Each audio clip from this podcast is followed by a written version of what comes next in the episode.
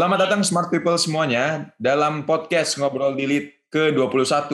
Kali ini kita akan membahas mengenai Metaverse, gambaran masa depan teknologi. Jadi seperti yang Smart People sudah ketahui, baru-baru ini CEO Facebook pada tanggal 28 Oktober 2021, Mark Zuckerberg telah memutuskan untuk mengganti nama Facebook menjadi Meta. Tentu saja hal ini membawa suasana baru dan juga sekaligus menjadi pertanyaan nih, Kira-kira apa sih inovasi yang akan dibawa oleh Mark Zuckerberg dan juga Meta terhadap dunia teknologi? Jadi, selain mengubah nama company-nya menjadi Meta, Mark Zuckerberg juga mengenalkan suatu fitur baru nih, Smart People, yang bernama Metaverse. Jadi, um, dapat dikatakan Metaverse ini adalah dunia virtual yang memungkinkan penggunanya untuk berinteraksi menggunakan avatar dan juga uh, menggunakan virtual reality atau VR dan juga augmented reality atau AR sebagai salah satu dasar dan juga fitur utamanya. Jadi alih-alih kita hanya melihat dari layar aja nih smart people, kita bisa seolah-olah masuk dan juga ikut berpartisipasi di dalam uh, ruangan digital ini. Seperti itu. Nah, metaverse ini juga memungkinkan orang-orang untuk melakukan meeting, uh, bermain game, melakukan kegiatan-kegiatan lain uh, seperti shopping uh, seperti itu dan juga hiburan-hiburan lainnya dengan terasa lebih nyata karena kita seolah-olah masuk dan juga berada dalam dunia virtual tersebut. Oke, kita langsung aja nih mulai ngobrol-ngobrol nih ya smart people. Jadi menurut Mas Adat dan juga Mbak Ines nih, uh, bagaimana sih pendapat Mas dan juga Mbak mengenai metaverse ini? Dan kira-kira bagaimana juga metaverse ini akan mempengaruhi dunia virtual Eh, saat ini. Apakah metaverse juga akan menjadi acuan bagi perusahaan-perusahaan teknologi lainnya dalam mengembangkan suatu ruangan virtual tersendiri? Mungkin dari Mas Adat dulu. Iya, uh, kalau dari aku sebenarnya metaverse ini kan uh, sesuatu yang sangat baru ya, sangat sangat baru bagi kita semua ya dan dan uh, tapi secara teknologi sebenarnya uh, ini ada kaitannya dengan yang sering yang sering kita hadapin juga ya belakangan ini yaitu uh, virtual reality dan juga augmented reality. Itu itu dua hal yang memang sedang uh, giat banget di di apa namanya dilakukan oleh perusahaan-perusahaan teknologi besar begitu. Google punya punya aduh namanya apa ya Google tuh uh, alatnya itu. Pokoknya Facebook punya Oculus kemudian Google punya uh, Google Glass. alat sendiri Ya, Google Glass. Kemudian uh, perusahaan lain juga berinvestasi di situ sehingga teknologi ini sebenarnya yang akan mendorong nanti uh, pengembangan dari metaverse. Kalau yang aku pahami, metaverse ini merupakan uh, seperti dunia baru ya, tempat di mana dunia fisik ya, dunia realitas kita itu dan dunia digitalnya itu bersatu. Sebenarnya ini banyak contoh film ya. Kalau teman-teman pernah nonton uh, filmnya Steven Spielberg yang eh, Ready Player One misalnya. Hmm. Itu contoh yang paling gampang menggambarkan bagaimana metaverse itu berlangsung.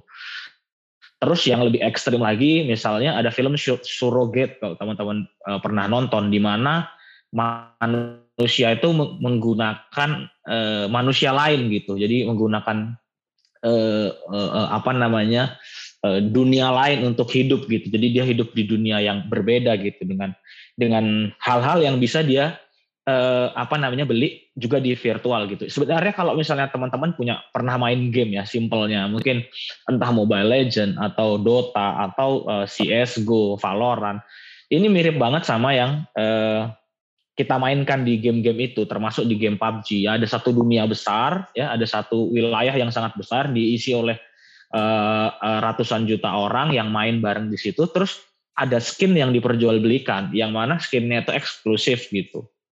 Betul. Sehingga cuma satu orang punya identity uh, yang sama. Nah inilah yang nanti disebut uh, dengan non fungible token itu NFT yang sekarang juga lagi rame.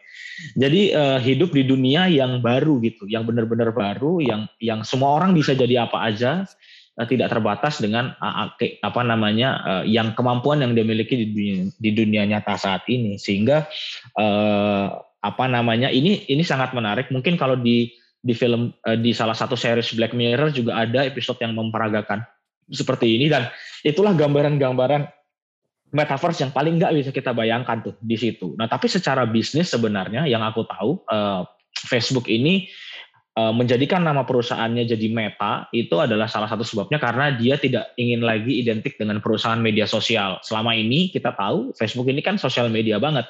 Hmm. Sosial media, messenger ya, mereka punya Instagram, mereka punya uh, uh, apa namanya WhatsApp, kemudian dia uh, punya uh, apa namanya ekosistem yang memang sangat menunjang uh, apa namanya percakapan di sosial media, Facebook dan Messenger misalnya seperti itu. Nah, untuk menghilangkan identitas atau uh, me, me, tidak mengaburkan orang. Kalau kita nyebut Facebook kan pasti sosial media, padahal sebenarnya Facebook itu nama perusahaannya gitu. Dan kebetulan juga nama aplikasinya. Nah, untuk membedakan itu eh, secara strategi bisnis Facebook juga mengangkat level daripada perusahaan induknya menjadi Meta. Ini yang dilakukan oleh Google beberapa tahun yang lalu juga dengan membuat Alphabet ya perusahaannya kalau nggak salah. Hmm. Eh, dan itu itu membuat divisi-divisi di bawahnya Google jadi sangat banyak. Misalnya Google uh, apa namanya ya tadi salah satunya yang disebut uh, Ines Google Glass yang yang yang yang arahnya ke virtual reality dan juga computer reality, kemudian Google sebagai perusahaan Google itu sendiri dan dan banyak lagi divisinya. Jadi secara bisnis sebenarnya ini juga meningkatkan uh, atau membuka peluang untuk uh, Facebook itu tidak dikenal sebagai hanya aplikasi aja gitu. Perusahaan yang uh, lainnya mereka akan buat dan ini merupakan awal dari mereka mengembangkan metaverse sendiri. Mereka juga mengembangkan yang namanya Horizon Work Workrooms tuh kalau nggak salah. Mereka bikin satu dunia khusus untuk profesional ya, kalangan profesional gitu. Yang yang nantinya kalangan profesional satu dengan yang lain bisa bertemu di dalam uh, uh, apa metaverse yang mereka buat. Dan semuanya sekarang tidak hanya Facebook sebenarnya sedang berupaya membuat satu metaverse atau dunia digital baru gitu yang mereka kuasai dan sekarang lagi berlomba gitu sehingga sebenarnya uh, ini adalah perlombaan masa depan yang mungkin kita nggak kebayang sampai saat ini. Ini kan dalam satu tahun ini ya dok mungkin Ines juga bisa berpendapat kita banyak disuguhi oleh teknologi-teknologi yang gila nih tiba-tiba ada teknologi kayak gini booming. Pertama cryptocurrency kemudian tiba-tiba muncul uh, istilah NFT kemudian sekarang muncul metaverse. Ini menurutku uh, sesuatu yang yang luar biasa sih dalam dua tahun ini tuh kita dikenalkan oleh istilah-istilah yang uh, sangat luar biasa. Nah itu itu sebenarnya sedikit gambaran mengenai metaverse gitu ya. Um, investasi yang yang akan dikeluarkan Facebook juga nggak kecil di situ. Dugaannya katanya miliaran dolar ya, 10 miliar dolar uh, pada tahun pada tahun ini gitu untuk untuk khusus untuk menunjang pembuatan dari uh, satu dunia digital barunya Facebook ini gitu. Sebenarnya yang diomongin Mas Adat semuanya tuh benar banget, aku super setuju dan ya kenyataannya seperti itu. Tapi di sini aku mau mengapil ke smart people yang bagian wibu, hmm. yang bagian hmm. suka anime. Kalau smart people dari yang udah tua, yang milenial kayak kakakku nontonnya Dot Hack. Kalau ya, ya. aku ya. mungkin nontonnya Sword Art Online. Mm-hmm. Mungkin yang di bawah aku yang iya SAO. Mm-hmm. Kayak beda-beda lagi. Menurutku metaverse itu adalah kayak world seat-nya Akaba Kayaba Akihiko. Hmm. Eh maaf ya kalau wibu banget, tapi ini menarik soalnya. Jadi di film okay, okay. Sword Art Online ini tuh kayak hmm. Mbak Akihiko kayak dia kayak Mark Zuckerberg loh menurut aku ininya yeah, uh, yeah. visinya. Jadi dia itu menciptakan suatu alat yang namanya the seed. The seed itu adalah kayak satu apa ya kayak mother seed gitu. Jadi dia bisa menciptakan dunia lain dalam uh, space virtual itu. Jadi kayak ya, kalau kita nonton Sword Art Online kan ada uh, dunianya yang SAO-nya terus ada dunia yang peri Alvain, terus ada dunia yang ganjil online, ada dunia yang mana, yang mana, yang mana gitu kan. Iya. Ya, nah, betul. menurutku metaverse tuh nanti bakal kayak gitu. Hmm. Jadi kayak misalnya nih, aduh bangun kerja ah, yaudah pakai uh, apa atmosfer ya. Kalau misalnya yeah. Google Glass atau Oculus ya, kalau di anime itu namanya atmosfer kayak yaudah yeah, dia yeah. pakai alatnya, terus abis itu ya udah kerja yeah. di kamar gitu tapi otaknya aja yang kerja nah menurutku kalau dari segi logistik ya ini berarti nggak ada commuting time lagi kan ya betul. Jadi nggak macet nggak ini nggak itu apa. Jadi kayak menurut tuh kalau kerja dengan teknologi demikian tuh bahkan banyak cost yang kepotong. Betul. Kayak gitu. Terus abis itu kayak kalau misalnya belanja itu kan berarti nggak usah ke mall lagi. Tapi kalau orang Indonesia kan suka ke mall kan untuk hangout ya. Tapi kalau misalnya belanja grocery itu bisa di metaverse ya kita berarti nggak usah keluar keluar untuk hal-hal yang nggak begitu penting lagi gitu makanya teknologi ini jadi gila banget sekarang kenapa karena kita pandemi aku yakin kalau kita nggak ada pandemi COVID-19 ini Mark Zuckerberg gak bakal nge-launch meta sekarang sih menurutku ya. Ya betul betul. Hmm, betul mbak. Paling gitu sih smart people kalau menurutku. Iya betul. Sebenarnya ada dunia dunia dunia sekarang semua menurutku semua game juga invest di situ sih sebenarnya kalau kita lihat uh, anggap aja kalau kalau main PUBG itu ada ada map tertentu terus itu nanti diisi sama orang kayaknya kayak kita main The Sims dulu nggak sih kayak kalau kita main The Sims yeah, itu kan yeah, ada yeah.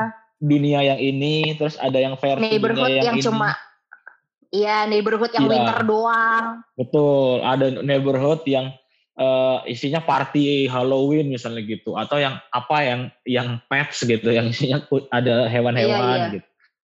Nah itu kayaknya sedang dibentuk kayak gitu dan dan menurutku The Sims Hmm. itu salah satu game yang juga cukup bisa menggambarkan perkembangan teknologi ya karena aku ingat banget dulu eh, ketika tahun 2000-an awal ada Sims 1 lah dulu lagi populer-populernya itu masih dengan cheat Clawpocius dan Rosebud itu eh apa namanya mereka tuh punya alat yang bener-bener bentuknya kayak virtual reality dan itu kayak untuk untuk fun itu nambahinnya 10 gitu. Alatnya tuh kayak yang sekarang dipakai di Facebook itu yang eh, Oculus itu yang yang ditempel di kepala. Dan itu tahun 2000 berapa coba?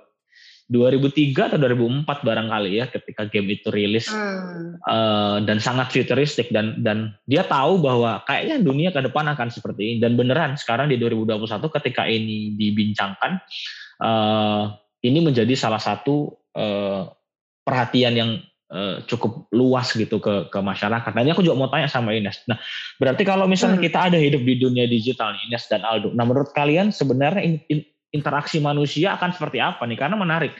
Ketika kita ngomongnya teknologi yang maju, banyak yang bilang bahwa teknologi akan mem- perlahan akan me- mengikis gitu ya eh, hubungan personal langsung antara manusia yang satu dengan manusia yang lain. Dengan adanya metaverse ini, dengan adanya dunia digital baru ini nantinya, nah menurut teman-teman gimana hubungan relasi manusia yang satu dengan manusia yang lain? Kalau kalau kalian bayangkan nih, kita sekarang cuma bisa ngebayangin karena kita nggak nggak tahu kira-kira akan seperti apa kan. Betul. Kalau kalau Aldo gimana? Em, kalau dari aku sendiri ya mas, aku ngelihat metaverse ini, jujur aja mas, aku belum bisa ngebayangin gimana kita itu bisa kayak yang tadi mas eh, referensinya Mbak Ines. Aku kan juga nonton ya mas eh, filmnya gitu ya.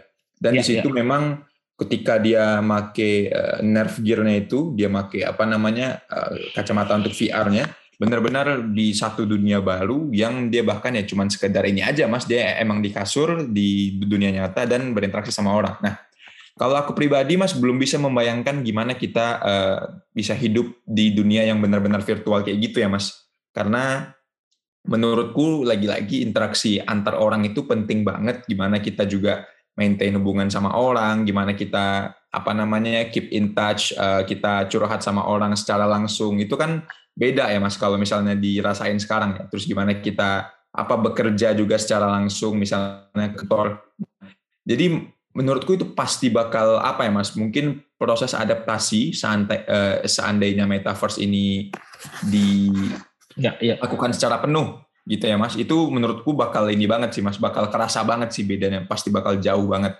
Karena ya kita harus mengadaptasi eh, beradaptasi lagi nih untuk eh, hal-hal yang sebelumnya dilakukan semuanya secara offline secara langsung kita langsung shifting ke virtual gitu. Nah jadi menurutku itu salah satu ini ya mas menurutku apa ya?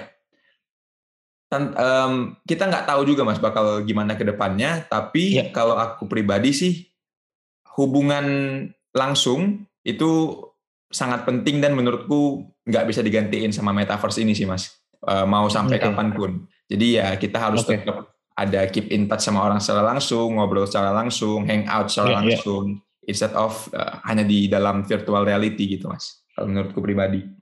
Oke. Kalau Ines gimana Nes? Menurut menurutmu? Maksudnya dengan dengan perkembangan teknologi sekarang aja kita itu interaksinya menurutku makin lama makin berkurang. Eh, meskipun ya ya membantu menghubungkan teman-teman kita yang jauh. Udah kita bahas di awal itu soal eh, platform sosial media ya perkembangannya. Tapi eh, gimana kalau misalnya teknologi ini eh, dipakai di mayoritas umat manusia yang ada di dunia sekarang? Iya, aku ingat waktu Facebook tuh ada semboyan dulu dari uh, orang tuaku ngomong mendekatkan yang jauh, menjauhkan yang dekat. Itu katanya Hmm, Facebook iya, betul. dulu. Iya benar-benar.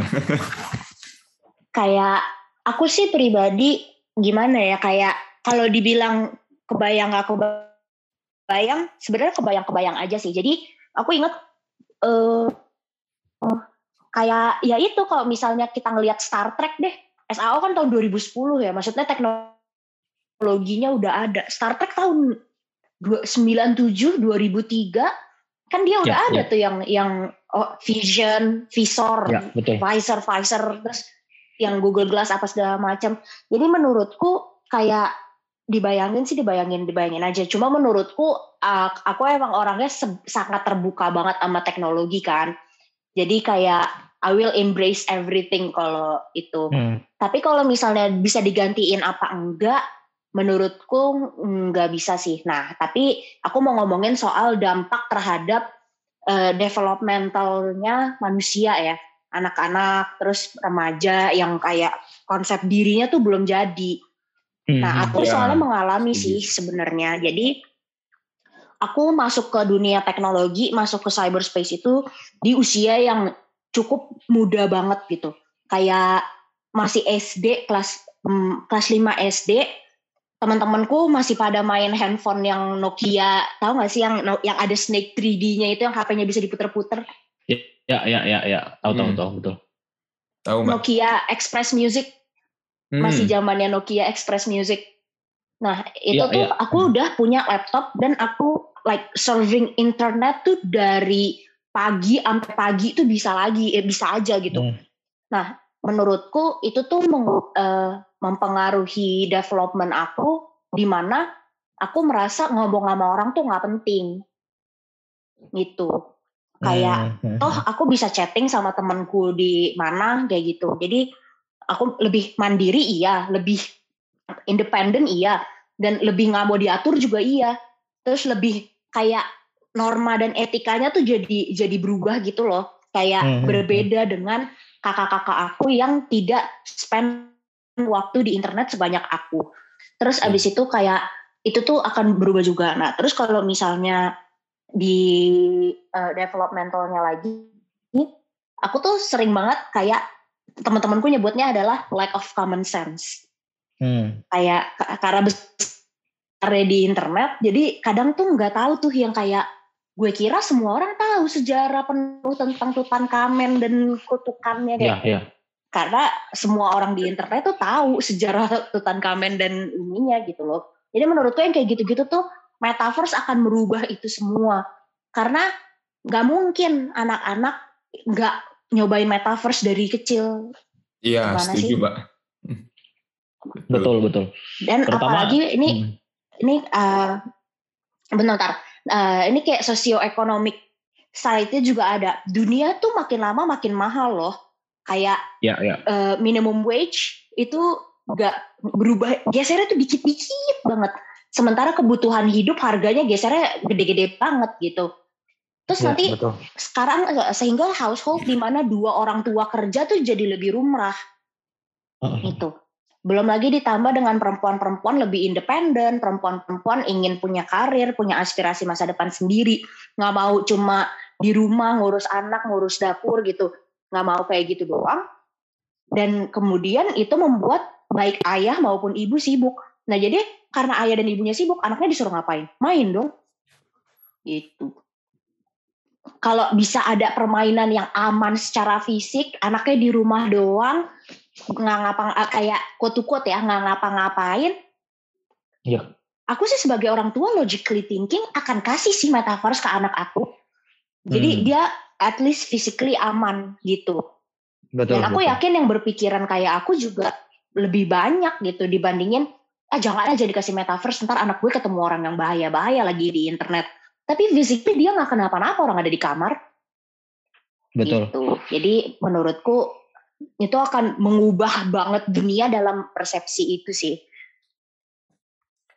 Iya, ya, menarik sebenarnya karena karena memang metaverse ini eh, apa namanya didasari oleh oleh eh, tadi lima, lima jenis teknologi ya. Jadi memang eh, sekarang teknologi ini diterapkan di berbagai macam permainan yang memang eh, apa teman-teman kita, adik-adik kita, eh, eh, apa namanya mungkin anak-anak yang baru lahir di tahun 2000-an itu dengan game-game yang punya kemampuan-kemampuan yang virtual reality tadi, kemudian belanjanya pakai uang kalau di Steam pakai Steam Wallet dan lain-lain itu tuh satu satu dunia baru yang mungkin mereka juga lebih nyaman. Nah, apalagi kalau misalnya memang pengembangan dari virtual reality ini sendiri uh, apa namanya udah bisa kayak yang kita jalan-jalan ke ke mana-mana kayak game uh, uh, apa namanya apa itu game yang di di HP yang agak berat itu yang juga dunianya luas banget Genshin Impact, Mas. Genshin nah, Impact. kayak Genshin Impact itu juga game yang menurutku uh, secara mobile dimainkan dengan dengan model seperti itu yang sangat luas dan semua orang bisa bertemu satu dengan yang lainnya gitu dalam game dan dan menarik sekali kalau misalnya kita ngomongin metaverse ini sebenarnya yang mengembangkan juga uh, tidak hanya Facebook, Google juga mengembangkan, bahkan Epic Games yang produsen games mengembangkan, Nvidia yang punya uh, apa tuh uh, pabrikan uh, grafis ya grafik hmm. card itu juga mengembangkan hmm. sehingga semuanya kayaknya memang sedang sedang mengembangkan dan dan kebetulan Facebook karena salah satu perusahaan yang besar dia declare aja duluan bahwa mereka mau mengarah ke situ dan menjadi uh, apa namanya pemain utama. Tapi kalau menurutku ya ini juga nanti mungkin teman-teman bisa berpendapat. Tapi menurutku ini sebenarnya salah satu bagian dari uh, apa ya plan bisnis aja sih dari dari perusahaan-perusahaan ini. Ketika ini kan salah satu kampanyenya adalah ketika di dunia di luar ya climate change itu semakin buruk sebaiknya kita tidak ke mana-mana dan kita membentuk dunia virtual yang baru yang di situ di dalamnya terlihat semuanya lebih indah gitu. Jadi uh, gagasan salah satu gagasan dari metaverse ini adalah seperti itu. Jadi uh, ke, ke depan kan dunia tidak mungkin menjadi lebih baik ya kalau menurut orang-orang teknologi ini. Jadi bakal makin inilah kacau gitulah. Hmm. sehingga mereka membentuk dunia baru yang memang uh, dianggap lebih baik untuk untuk mereka hidup. Tapi sebenarnya aku nggak tahu. Tapi sebenarnya dari sisi ekonomis uh, ini kan lagi ada pertarungan ya. Aku nggak tahu teman-teman pendapat gimana. Tapi menurutku ini juga sebagai bagian dari ya Facebook pengen jadi orang pertama aja yang main di dunia ini gitu. Sehingga nanti ketika dunianya terbentuk samalah ketika kayak sekarang Bitcoin gitu dulu Bitcoin nggak ada harganya. Hmm. Dulu ada ada meme-nya sampai orang yang beli pizza pakai Bitcoin tuh butuh berapa berapa Bitcoin gitu. Sekarang kalau dia beli pizza itu dengan uang Bitcoin yang sama, kayaknya dia udah bisa beli satu pulau gitu katanya gitu. Jadi jadi tapi karena itu dia pemain pertama gitu. Jadi dia dia yang menguasai eh, teknologinya gitu. Sehingga ini juga masalah bisnis nanti eh, yang beli kan itu kan nanti diduganya kan dunianya itu akan di jual belikan gitu ya tanah di sini. Ya kayak kita main The Sims lah bener-bener kayak main The Sims. Tanah hmm. petak segini hmm. nanti bangun rumahnya rumahnya seperti ini harganya segini. Terus nanti kalau kita beli uh, kita mau jual nanti siapa yang mau beli gitu. Itu sama kayak gitu dan itu adalah part of bisnisnya lagi gitu di di di uh, teknologi ini. Dan uh, kalau nggak tahu menurut teman-teman gimana? Kalau dari segi bisnis ya teknologi seperti ini apakah memang uh, sebenarnya ini ya ini bukan soal teknologi, ini soal bisnis saja sebenarnya pengembangan semacam semacam ini. Atau memang ya memang kehidupan kita akan seperti itu ke depannya. Kalau menurut Aldo dan Ines gimana? Hmm. Oke, okay. hmm, menurutku kalau di kayak gak bisa didikotomi gitu loh mas. Ya, ini ya. bisnis doang atau ini teknologi? Hmm. karena ada bisnis eh karena ada uang teknologi berkembang karena ada teknologi uang berkembang gitu kan. Ya, ya. Jadi kayak pengembangan teknologi tuh pasti selalu kayak gitu. Nah, tapi kalau dalam suatu proses pengembangan kayak inovasi ya, ya hmm. pemimpinan dan pasti kebijakan. Jadi hmm. kalau di suatu inovasi itu tuh pasti selalu ada visionernya, hmm. orang yang punya sama orang yang punya uang kayak modal untuk inova kayak untuk mewujudkan inovasi tersebut dan ini jalannya pasti bareng menurutku yeah, gitu. Yeah. Metaverse pun ini sama. Jadi si Zuckerberg ini punya visi mengenai teknologi, mengenai internet gitu ya. Terus yeah. mana tahu tiba-tiba Mark Zuckerberg tuh nonton Sword Art Online ya kan, Dok? Iya, yeah, betul. Bisa, Kalau misalnya Doi nonton tiba-tiba dia kayak gue bisa gak sih bikin kayak kaya banget yeah, yeah. gitu?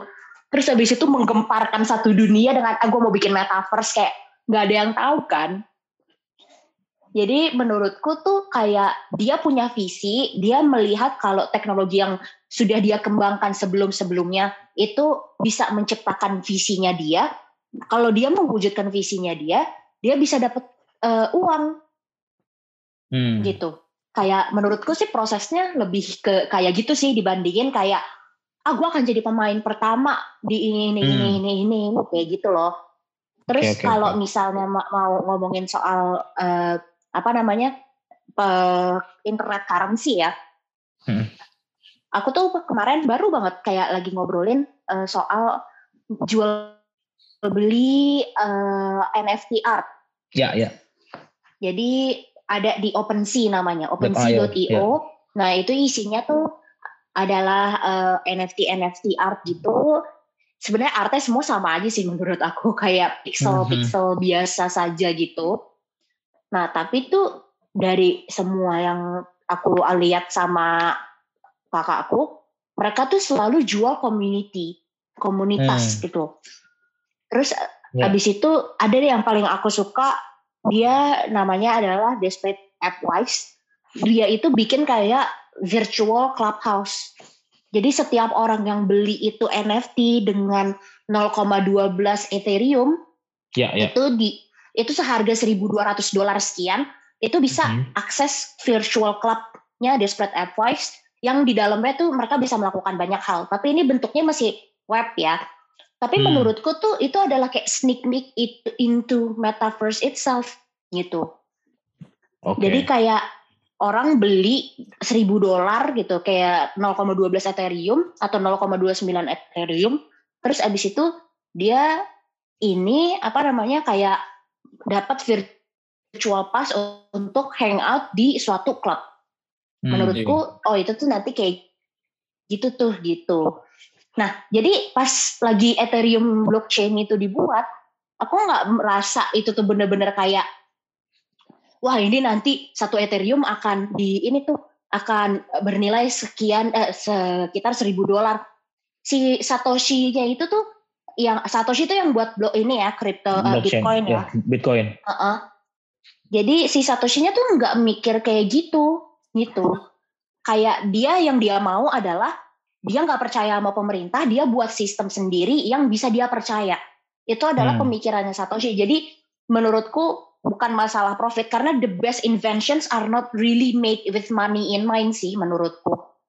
Ya, ya. Tapi the best inventions get the best money gitu. Jadi metaverse okay. ini pun kurasa lebih demikian. Kalau menurut Aldo okay. gimana? Kalau menurutku juga sama sih mas. Uh, aku setuju sama pendapatnya Mbak Ines, tapi aku mungkin juga ini sih ada setuju juga sama pendapat Mas Adat. Memang kalau kita lihat mungkin ya Mas, uh, selain tadi yang disebutin sama Mbak Ines kalau memang ya inovasi teknologi memang uh, diinin sama duit juga dan memang ya untuk uh, kemaslahatan lah seperti itu ya Mas ya Mbak apalagi sekarang kan juga lagi pandemi gitu ya dan mungkin memang di sini jadi salah satu apa uh, pemicunya juga untuk dia lebih cepat mengeluarkan metaverse tapi yang aku setuju juga dengan Mas Adat adalah ya memang mungkin dulu kan awalnya sos, uh, media sosial kalau aku ya Mas ya Mbak kan dulu aku makanya Facebook ya awal-awal banget Nah itu kan memang jadi salah ya. satu benchmarknya media sosial gitu ya mas dulu. Hmm. Jadi setelah adanya Facebook terus baru ada apa uh, Twitter. Aku ya kalau aku pribadi baru main Twitter, baru main Instagram. Tapi the first social media that I use adalah uh, was Facebook. Nah, jadi mungkin salah satunya juga ya dia juga ingin uh, ini juga Mas um, apa ya? kayak membuat suatu benchmark tersendiri gitu. Kalau ini aku mau bikin metaverse, nah nanti bakal gini gini gini gini. Nah, mungkin yang lain juga bakal ini. Nah, mungkin kalau untuk yang itu aku juga berpikiran yang sama seperti Mas Adat. Facebook juga ada intensi untuk uh, menunjukkan ya. kepada dunia kalau wah aku akan menjadi yang pertama dan akan menjadi ini. Nah, itu juga ada ada beneran juga sih Mas kalau yang untuk itu ya. Tapi hmm. kalau untuk uh, pertanyaan apakah ini bisnis atau memang pure teknologi, aku uh, setuju juga sama pendapatnya Mbak Ines kayak gitu sih Mas.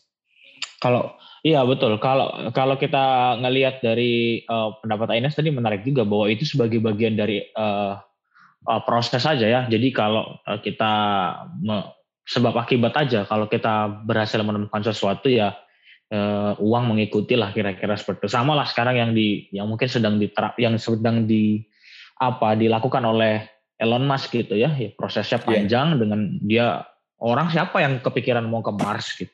Gak ada yang kepikiran mau ke Mars, cuma dia gitu. Bahkan dia yakin dia yakin sekali perjalanan ke Mars itu baru bisa uh, uh, lancar ketika dia udah nggak ada gitu. Siapa orang yang mau uh, apa namanya tuh mau menginvestasikan sesuatu ketika dia udah nggak ada. Maksudnya itu kan aneh banget ya maksudnya.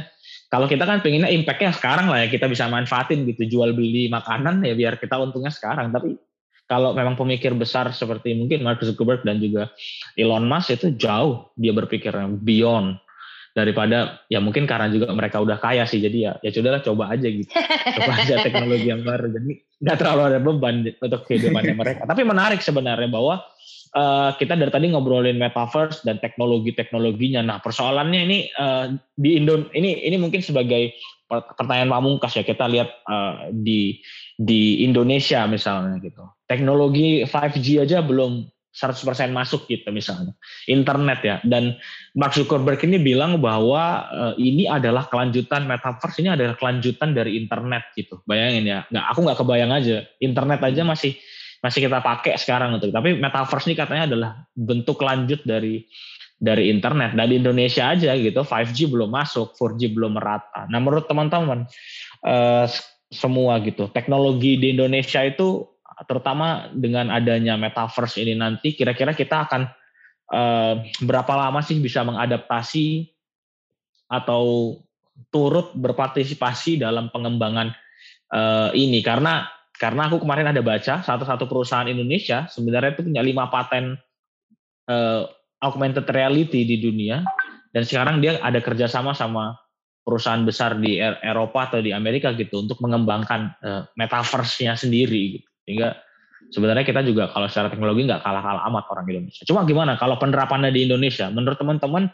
teknologi ini secara keseluruhan aja teknologi kenapa selalu terlambat masuk ke Indonesia gitu. Kalau dari Aldo kenapa? Kalau dari aku sih Mas ngelihatnya tetap sih Mas infrastruktur kita dan juga apa ya lebih ke hal-hal yang mendukung itu tuh masih kurang banget ya Mas menurutku pribadi ya. Karena kan hmm. kalau misalnya kita kemarin sempat bahas soal ini Mas uh, yang TV digital itu kan ya. kita baru baru ini analog digantikan semuanya dengan digital itu tahun 2021 eh tahun ini apa tahun depan ya Mas ya? Tahun ini tapi diundur tahun, tahun depan. Tahun ya. ini tahun 2022 kan Mbak. Nah sementara itu di Eropa aja udah kalau aku nggak salah baca tuh tahun 2015 Mas terakhir. Itu transisinya ke ini. Kita aja udah telah tujuh tahun Mas. Even itu baru di konteksnya TV gitu. Apalagi untuk konteks metaverse gitu ya Mas kalau aku mikirinnya ya. Ini kita bisa mungkin telat telat berapa puluh tahun mungkin ya Mas kalau untuk bisa apa ya menerapkan metaverse dengan penuh gitu. Ya, menurutku pribadi Mas memang ini ya uh, infrastruktur kita juga kurang mendukung, terus tambah ditambah lagi kita juga punya digital gap yang masih tinggi banget dan juga adanya ketimpangan apa namanya akses internet di daerah-daerah di Indonesia gitu. Ya aku sih tetap pada pemikiran nih kayak ini Mas itu yang membuat Indonesia akhirnya uh, mungkin sulit ya Mas untuk bisa beradaptasi dan juga istilahnya uh, inilah untuk menggunakan metaverse ini secara penuh gitu. Tapi ya. kalau ya. untuk um, pengembangan-pengembangannya mungkin masih ini ya Mas dan juga kan di kita 5G juga masih ini banget ya mas, masih masih baru banget nggak sih mas? Masih belum di seluruh kota dapat gitu, ininya. Iya betul. Soal 5G ya. Jadi kalau dari aku sih itu mas memang infrastruktur kita nggak um, mendukung dan juga hal-hal pendukung lainnya yang penting juga ya kita masih banyak miss di situ sih mas. Iya. Kalau Ines gimana?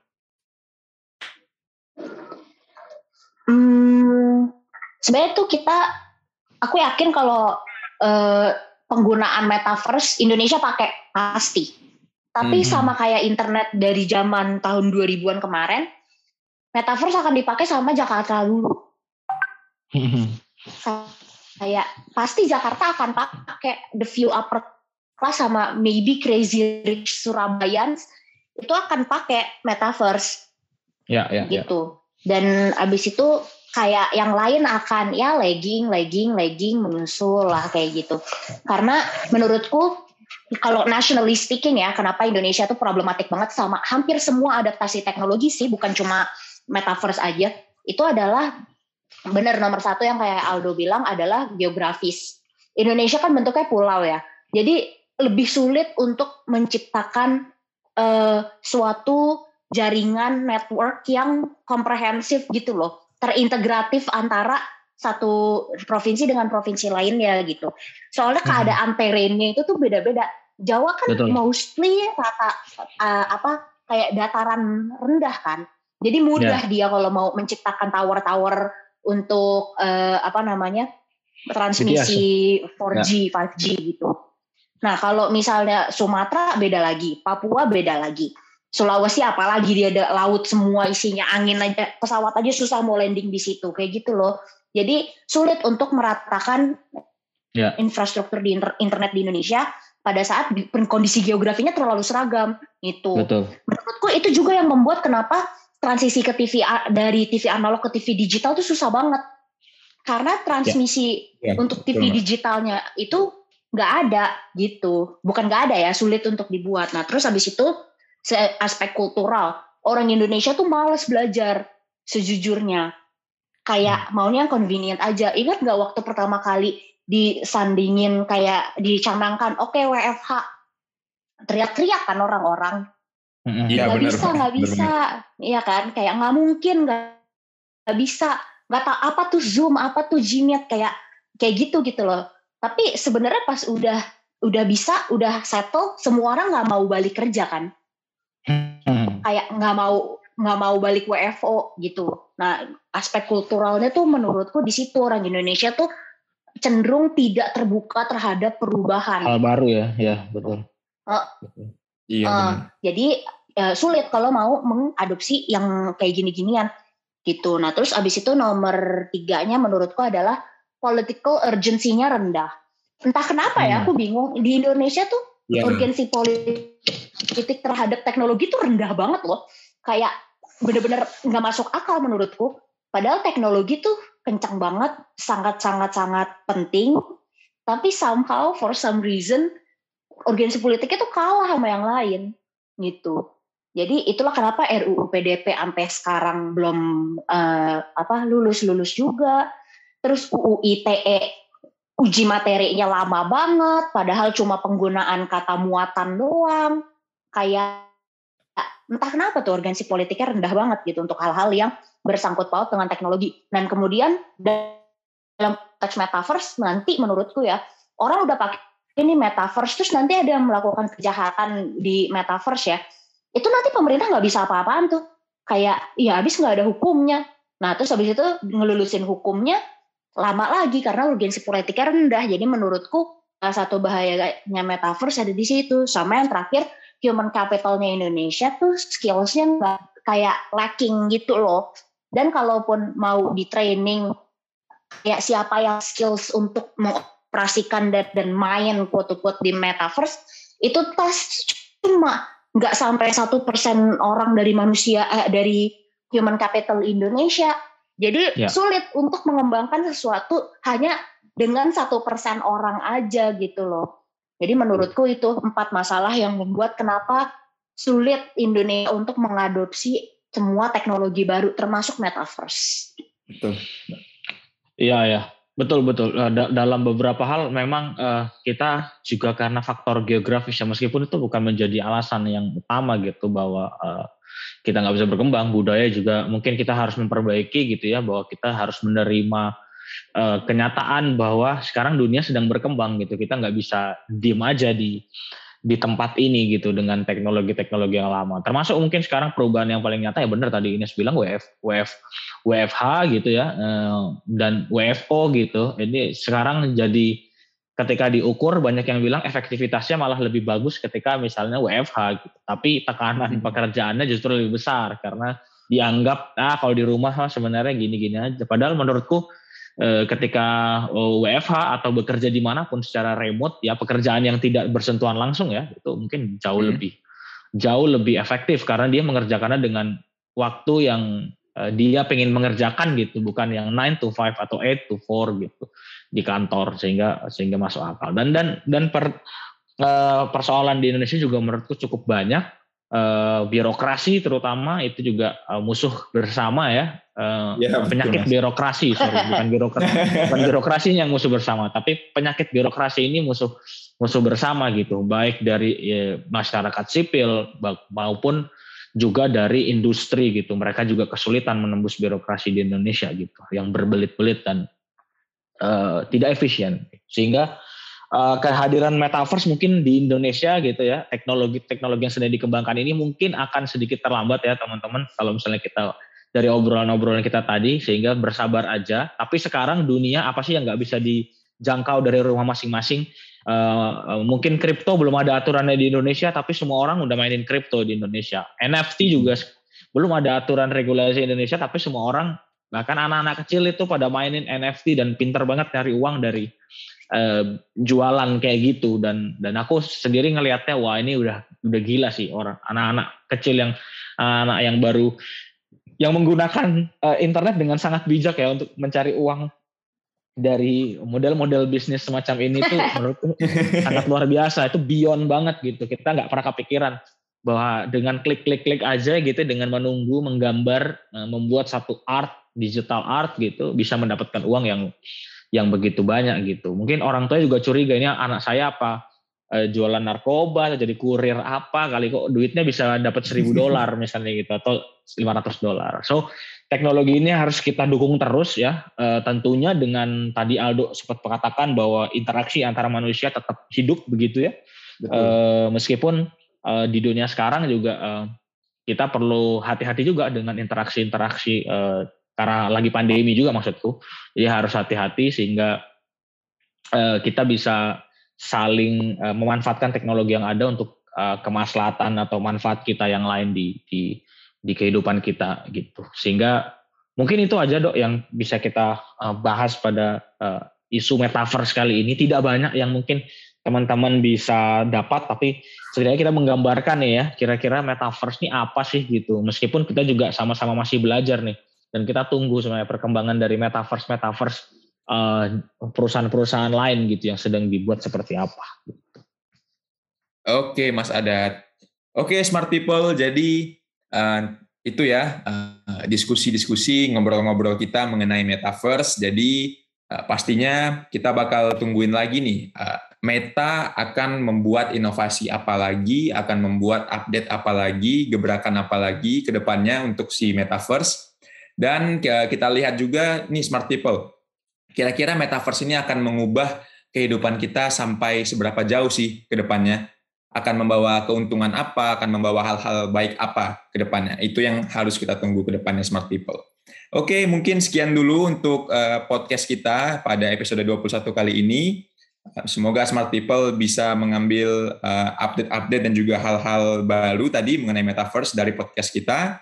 Baiklah, Eh, sekian, sampai jumpa di podcast Ngobrol Delete episode selanjutnya. Bye-bye Smart People!